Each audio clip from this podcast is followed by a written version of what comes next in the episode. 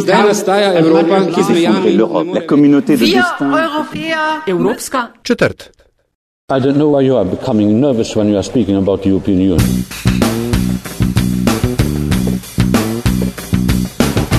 Spoštovane in cenjeni, dobrodošli v Evropski četrti podcast o vsem, kar vas bo zanimalo o Evropski uniji, pa niste vedeli, koga vprašati. Podcast vodiva Nataša Briški, urednica Metine Liste in Aljaš Pengovitenc, urednik Radia Chaos. Evropska četrt domuje na spletni postaji metinalista.si, v vašem nabiralniku pa sveža epizoda vsak drugi ponedeljek. Na družbenih omrežjih je uradni ključnik, hashtag Evropska četrt, če boste privolili, da naj jo ocenite v Apple Podcast oziroma iTunes, pa hvala vnaprej. tema tokratne epizode: prihodnost prometa s komisarko za promet Violeto Bulc. Z njo sva se pogovarjala v Evropski hiši na predstavništvu Evropske komisije v Ljubljani. Gospa komisarka, lepa hvala za vaš čas. Veliko čas nam je klepetati želiva z vami o prihodnosti prometa. Pa mogoče prvo začetno vprašanje, takoj um, tri leta zdaj te dni mineva, odkar ste nastopili mandat. Je Brusel to, kar ste pričakovali? Pa pričakovala pravzaprav nisem ničesar, ker si nisem znala niti predstavljati, kako sistem funkcionira. In uh, danes lahko rečem, uh, da v bistvu imam veliko spoštovanja do vseh, ki so uspeli v teh uh, 60 plus letih oblikovati um, Evropsko unijo. Uh, kot uh, unijo tolikih različnosti. E, To je prvo, kar takoj začutiš, da je vsaka država res enkratna, neponovljiva, nekaj posebenega, z vso svojo zgodovino in z vsem svojim um, načinom razmišljanja. In seveda do tega sem jaz razvila zelo visoko stopnjo spoštovanja. E, Glede na to, da iz, izhajam iz. eh, inovativnih ekosistemov in inovativne skupnosti, eh, mi je eh, bil to eh, velik izziv, hkrati pa en tak pozitivni impuls, ker v raznolikosti je priložnost za razvoj novih idej. Tako da danes lahko rečem, da sistem relativno dobro poznam, deluje učinkovito. Da se ga izboljšati, predvsem v luči novih načinov oblikovanja idej, participativni modeli, večja angažiranost javnosti v procese nastajanja naših eh, predlogov. Um, in uh, upam, da seveda bo ta filozofija tista, ki bo tudi prevladala, ker z vsemi izzivi, ki jih imamo okrog sebe, pa vidim, da je Unija v resnici izvana v vseh svojih fundamentalnih principih delovanja. Um, ko omenjate izzive, ok, na splošno Ja. Evropska unija, ne, eh, malo se bomo fokusirali na promet, na vaš resor. Absolutno. Kaj vi vidite kot največje izzive, ne, v, ko se govori o prometu, pa kje je tukaj Slovenija, pa se mogoče ali až pol zakopljava še malo podrobneje. Tako, največji izzivi. Največji izziv je prvi že prav se nanaša na to, kar sem rekla uvodoma. Se pravi, vsa ta raznolikost eh, je potrebno v prometu, če hoče delovati učinkovito, poeno, poenostaviti, je treba standardizirati eh, in zagotoviti, da lahko prometni tokovi nemoteno tečejo skozi vse države članice. In zato je tudi eh, učinkovitost ena od ključnih eh, ciljev, ki jih imamo na področju prometa. Drugi izziv je eh, zagotoviti povezljivost. Uh, ki pa seveda s prvim gre zelo roko v roki. Povezljivost v okviru same Evropske unije enako pomembna je in zato smo tudi mi odgovorni, pa da znamo upet uh, evropske prometne uh, poti in mreže v globalne poti in mreže. Se pravi, vsi dogovori, vse uh, dogovori glede standardizacije, glede um, regulativnih okvirjev, uh, pogojev, pod katerimi lahko potem recimo letimo iz Evrope v Azijo, letimo iz Evrope v um, Ameriko, v Avstralijo oziroma eh, da lahko eh, tudi vlak prečka meje Evropske unije. Eh, Tako da to je vsakdanji izziv. Eh, Hkrati pa seveda se soočamo z povsem družbenimi izzivi. Promet na eni strani prenese veliko dobrega, se pravi povezuje ljudi, omogoča, da se izmenjujejo proizvodi, da ljudje potujejo, po drugi strani imamo pa veliko negativnih vplivov na onesnaževanje. Na, eh, vemo, da so grozljive številke eh, glede smrtnih žrtev in težkih poškodb na evropskih cestah. Eh, in eh, vse to eh, nas zelo motivira, da iščemo neke nove, bolj učinkovite, digitalno podprte rešitve, ki bi lahko seveda zmanjšale te negativne vplive, ki jih prinaša promet. Ko v Sloveniji govorimo o prometu, se ne, tako nane- nanese večinoma pogovarjamo zgolj o tovornem prometu. A Je na evropski ravni tu poudarek ali eh, tudi pri, kako že movement of people, ne, uh, ima svojo vlogo tukaj noter. Ja. Obe komponenti so enako pomembni. Uh, res, da je trenutno uh, zaradi vseh problemov, ki so uh, v tovornem prometu v Evropski uniji, zaradi nedoslednega izvajanja evropskih zakonodaj, zaradi pomankljivih ali morda celo napačno interpretiranih evropskih okvirov, je začelo prihajati do velikih anomalij, v, predvsem v negativnem smislu. Zato je tudi, recimo, bil temu namenjen ta paket mobilni, ki smo ga na evropskem nivoju lansirali koncu maja, ki se predvsem ukvarja s tem, da umika oziroma zagotovi eh, pogoje, da v tovornem prometu ne bodo več možne tako imenovane letterbox companies, se pravi slavnata podjetja, da ne bo možno eh, nomadskih voznikov več. Plasirati na evropski trg, eh, da se uredijo eh, pogoji glede kabotaže in glede eh, mednarodne dostave blaga in da se zagotovijo ustrezni pogoji za voznike, da lahko na teh svojih poteh seveda prenočujejo v ustreznih in človeka vrednih infrastrukturnih pogojih. Tako da tukaj je zivo velik. Uh, ampak vidim zelo veliko pripravljenost vseh držav članic uh, parlamenta in uh, deležnikov, ki prihajajo iz tega segmenta, da se stvari uredijo. Predvsem hočemo nagraditi tiste, ki delajo pošteno in seveda omejiti vse možne uh, nepoštene oblike. Delovanja v tem sektorju. Odvisnost od trdih goriv je verjetno eden trših orehov. Ne bom rekla zdaj, kdaj ne bomo več, ampak mm -hmm. kakšen imate, kakšno časovnico predvidevate, da kaj je realno pričakovati. Ja. Eh, tu se zelo strinjam, jaz eh, onesnaženost v Evropski uniji povzroč več kot 400 tisoč eh, prezgodnih smrti. In to je za nas kar grozljiv podatek. Promet prispeva približno 25% tega onesnaževanja. Zato je ta drugi paket, ki smo ga lansirali prejšnji teden, bil zelo osredotočen na razogličenje prometa, kaj lahko pričakujemo. Eh, dve usporednici, ki jih moramo omeniti hkrati, razogličenje in digitalizacija, sta dve usporednici, ki se dogajata trenutno v prometu z roko v roki.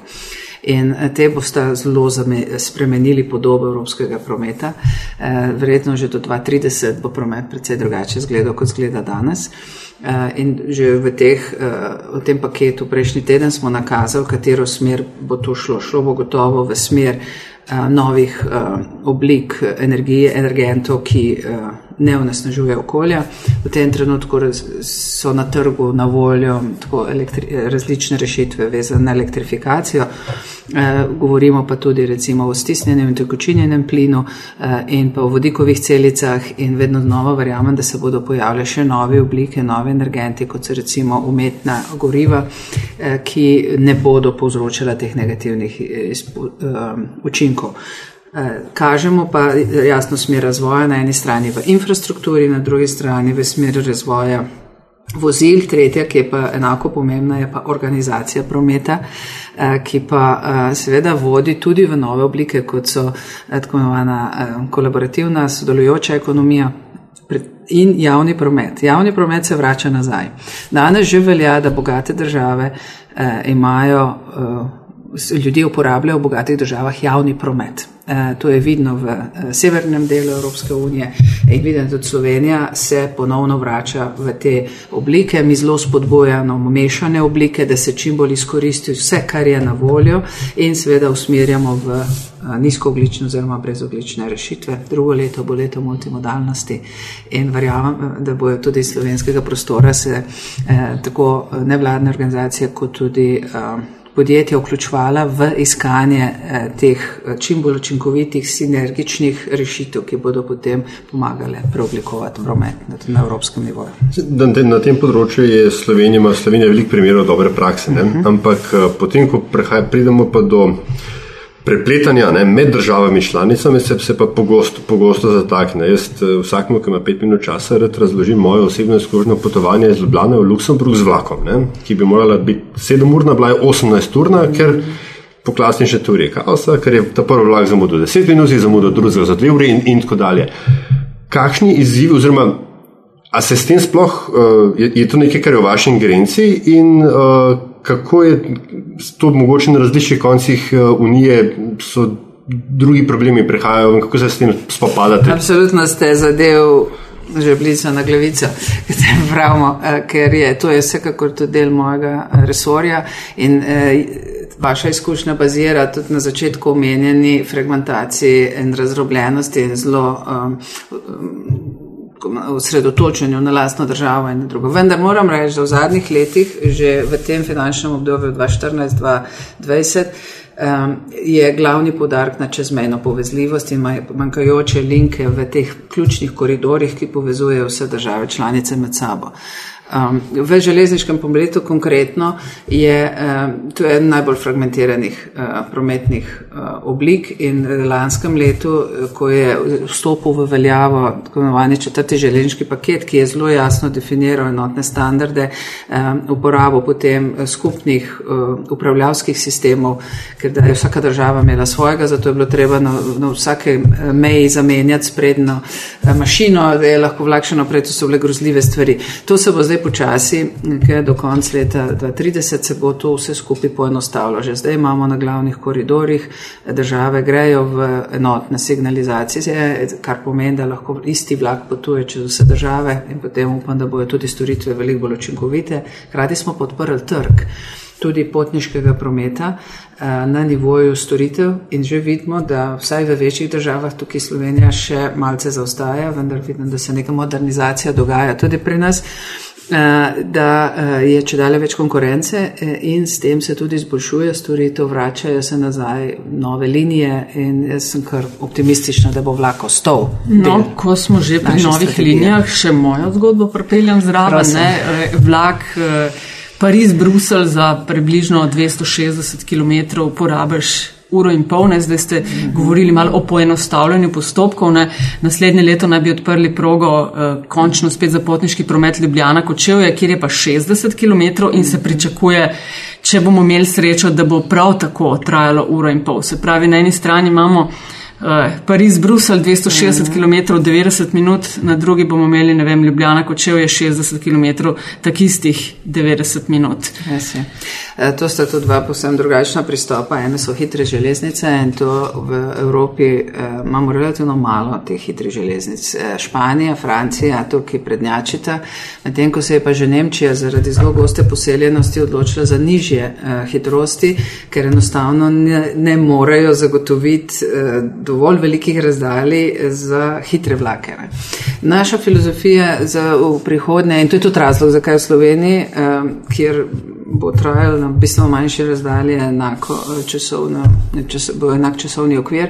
Eh, ker pogoji za hitre železnice enostavno niso dani. Preveč kompleksen, preveč eh, eh, teren, pa tudi ne bi bilo smiselno imeti samo povezavo kot če vle Ljubljana, vlak se vendarle bo mogel staviti na umestnih postajah, da nabere število potnikov. To so drage rešitve in če ni do ustreznega volumna, so ne, neustrezne. Ne. Vendar, kar pa bomo na evropskem nivoju še naprej spodbujali, je točno to, kar ste vi povedali. Včasih je med Bruslom in Parizom bila letalska povezava, vendar so hitri vlaki vstopili za svojo funkcijo in s tem pomaga razogličanju, eh, manjšemu eh, pritisku na, na okolje, hkrati pa ponudili veliko bolj uh, pozitivno uporabniško izkušnjo, ker je bistveno bolj enostavno vstopiti na vlak, se pelati na naslednje točke in izstopiti, kot pa uporabiti za to zelo zahteven uh, sistem, ki ga ponuja aviacija. Zato za razdalje uh, tam do 500 km bomo še naprej spodbojali razvoj hitrih vlakov v teh glavnih, uh, med glavnimi središči, ki imajo dovolj visok uh, volumen potnikov, da lahko seveda upravičajo investicije, ki so za to potrebne. Uh, ste ravno omenili aviacijo, eh, ki spada ne, pod eh, vašo, vašo ingerenco. Če zanima me tako, a, kaj se zgodi, če se do Brexita dejansko pride in a, potem a, z vsemi temi nizkocenovci, ki so bazirani v, v, v Veliki Britaniji? Ja. Um... Seveda, Brexit je izziv za vse nas in mi se eh, za ta pogajanja zelo močno pripravljamo, vendar, eh, kot veste, na nivoju Evropske unije imamo enega pogajalca, gospoda Brneja, ki ga vsi suportiramo za to, da lahko to pogajalsko funkcijo ustrezno izpelje. Um, biti del uh, enotnega aviacijskega prostora evropskega je zelo velik prestiž. Um, mi smo najbolj razvit aviacijski trg in seveda um, prav z nizkocenovnimi ponudniki, ki ste jih vi omenili, uh, smo zagotovili uh, to visoko povezljivost med evropskimi mesti. Seveda bo to potem tudi predmet pogajanj in imamo več različnih opcij, kako lahko zagotovimo bodoči skupn, skupno sobivanje ali pa skupno sodelovanje z britanskim trgom. Mi imamo to z drugimi državami podpisane tako imenovane celostne aviacijske pogodbe, ki potem Britanija ni upravičena, ko postane tretja država, vendar seveda je to povezano z dolgotrajnim pogajanjem o elementih teh pogodbe.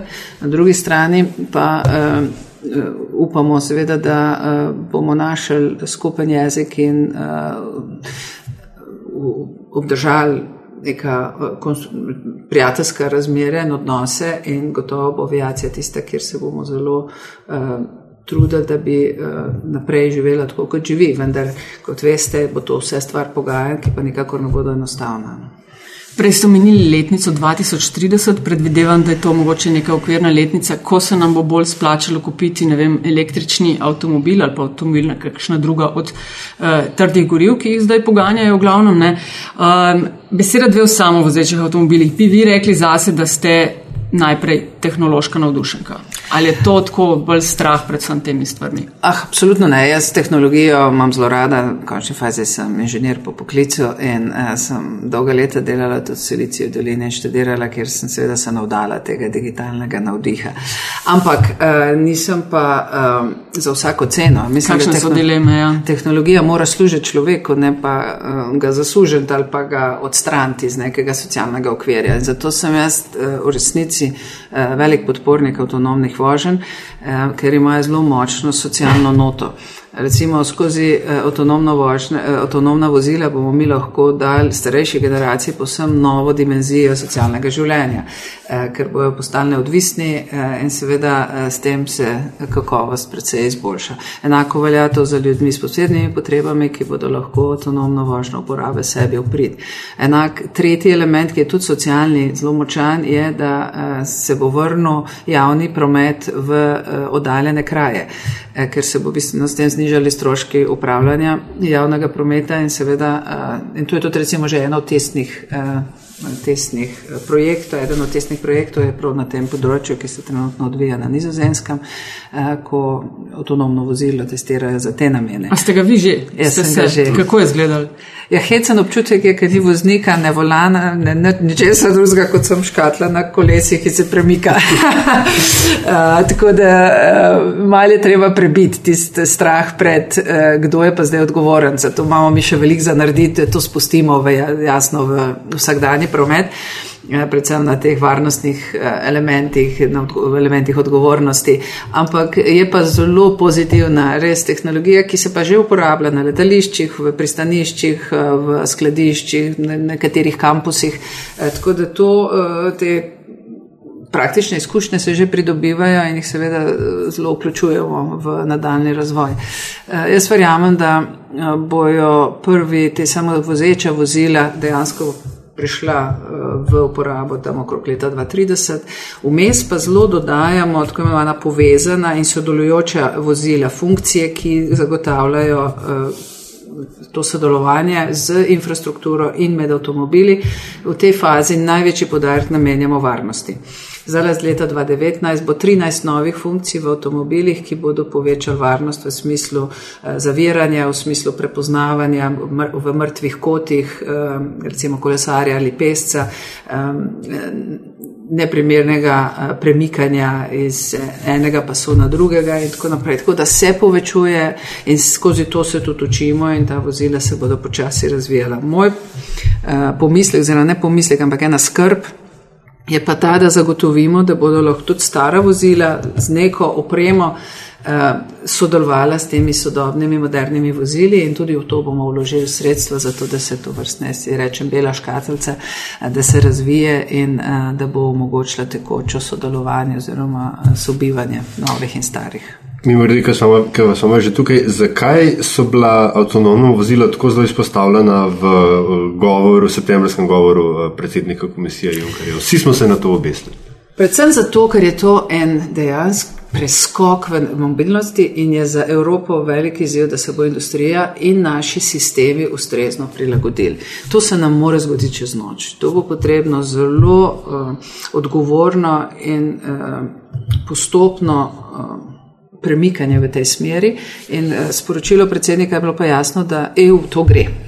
Ne? Kje pa Slovenija? Okay, EU to gre. Koliko smo v Sloveniji daleč spredje, v kateri skupini evropskih držav, mm. da ne rečem EU-ja, smo, kar se tiče modernizacije prihodnosti prometa? Ja, v tem trenutku moram pohvaliti slovenski prostor. Slovenska industrija eh, in tudi inštitucije so se zelo aktivno začele vključevati v razne grupacije, ki že nastajajo na evropskem nivoju. Tako pri eh, elektrifikaciji je Slovenija vključena v te ključne koridorje eh, in prejšnji teden smo tudi lansirali razpis da za eh, razvoj infrastrukture za, na alternativna goriva eh, in energije, tako da upam, da bo tudi to pomagalo pri nadaljem razvoju eh, pogojev za to, da se lahko slovenski prostor še naprej mhm. vključuje na, v te evropske trende. Zelo je pa razvesljujoč in upam, da tukaj pa vendarle bomo naredili tudi zdaj neke konkretne korake. To, da se je pa Slovenija že zelo zgodaj aktivirala skupaj z Avstrijo, Mačarsko v tako imenovan eh, koridor, ki je bolj v bistvu neke vrste poligon za testiranje tudi avtonomnih vozil. Mi imamo tak, tak poligon, je bil naznanjen še med Nemčijo, Luksemburgom in Francijo, Nizozemsko, eh, Nemčijo in eh, Belgijo. Tako da so zdaj tri jedra, prepričana sem, da je vsem vprašanje tedno ali pa mesecev, ko se bo tudi na severu Evrope pojavil in podoben koridor. Namen teh pa je testiranje avtonomne vožnje preko meja. Eh, ker seveda same države že testirajo in sami kampusi, kot sem prej omenila, testirajo, mi pa rabimo čezmejne povezave za to, da lahko ustrezne sisteme potem razvijamo, ker mislim, da moramo prvošče, da bo avto šel do meje, pa se bo pa ustavil.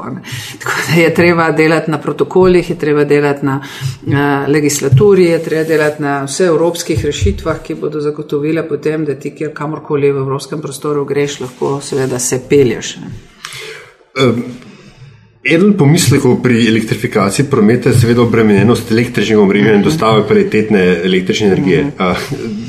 Komisar Ettinger, mislim, da ima to čez. Ne, to je odgovoril vice-president Ševčevič, ja, pa no. podpredsednik Ševčevič, pa Kanjete, Arijas Kanjete. Se upravičujem, ampak koliko zelo pa je tkle integriran ja. vaš delokrog?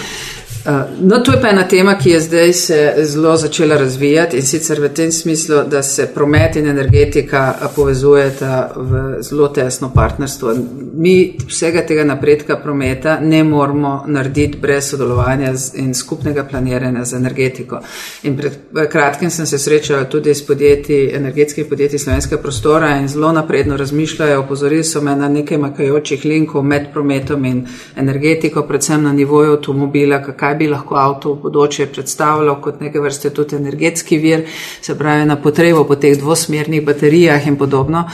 Um, kar eh, mislim, da bo še zelo veliko tema, uh, ki, o kateri bomo še veliko govorili. Na drugi strani se nam pa enako pojavlja uh, za kolege iz digitalne agende, kjer pa seveda zaradi avtonomne vožnje promet in digitalna agenda zelo tesno morata sodelovati in to bomo tudi videli zdaj v tem tretjem mobilnem paketu, ki prihaja maja naslednje leto kjer pa bomo naredili eh, še večje korake v smeri digitalizacije in ustvarjanja pogojev za avtonomne važne. Preden zaključimo, mogoče sam še tole, no, veliko slovencev skrbi ali pa se občasno pogovarja Uber v Sloveniji. Uh mhm. -huh. Za ne proti, uh mhm. -huh. kje smo, kakšno je vaše stališče? Eh, tukaj ne gre za zajem proti. Zelo pomembno je, da vsi eh, novi igravci, ki pridejo na trg, spoštujejo pravila trga in spoštujejo tudi pravila socialne agende, ki jih Evropska unija ima. Jaz sem se s eh, lasnikom in direktorji Uberja mnogo krat že srečala in moje sporočilo bilo jasno. V Evropski uniji je treba poskrbeti za, za ljudi, ki delajo, se pravi za voznike in treba je plačevati davke. Uh, in na tej točki, seveda, se ne uh, najdete. Ne, se iščemo. Čist, čist za konc, ko smo že pri uh, teh, um, v zadnjem času je uh, veliko, kar nekaj bodi si držav, regij, mest, uh, na, nekako samo inicijativno napovedali ukinitev bodi si proizvodne, bodi si mhm. pre, eh, prodaje vozil na fosilna goriva. Mhm. Je to vaše maslo ali je to inicijativa od spodaj na vzgor? Ne, to, to je zelo inicijativa od spodaj na vzgor, ki je na eni strani. Um, spodbudna, ker seveda še bolj jasno pokaže, da je to smer razvoja Evropske unije. Po drugi strani seveda je pa velik izziv, lahko postane tudi problem, če bomo imeli fragmentiran eh, pristop na trgu. Zato smo mi zdaj pohiteli tudi z eh, to drugim mobilnim paketom na področju energetike. Se zelo veliko dogaja, da se bo zagotovila eh, ustrezna količina zelene energije, ki je potrebna za to tranzicijo. In predvsem pa, da smo začeli tudi delati z mesti, da vendarle imamo usklajene evropske smernice, ker seveda, ko dostavno vozilo ali pa tovrnjak pride iz ene države, države v drugo, eh, mora seveda to robo tudi dostaviti. Bo pa res, da se vse bolj mesta odločajo za tako imenovane zelene logistične centre, ki so v predmestju in potem za razvoz eh, materijalov oziroma eh, robe po mestu z okoljsko prijaznejšimi vozili. Gospa komisarka, najlepša hvala za pogovor. Hvala vam za priložnost, dobro. To je bila Evropska četrt, predlogi, mnenja, pohvale in kritike. Dobrodošli tudi na infoafna metinalista.si. Glasbena podlaga je delo audionautics.com, Aljaš in Nataša pa praviva hvala vam za družbo in do naslednjič.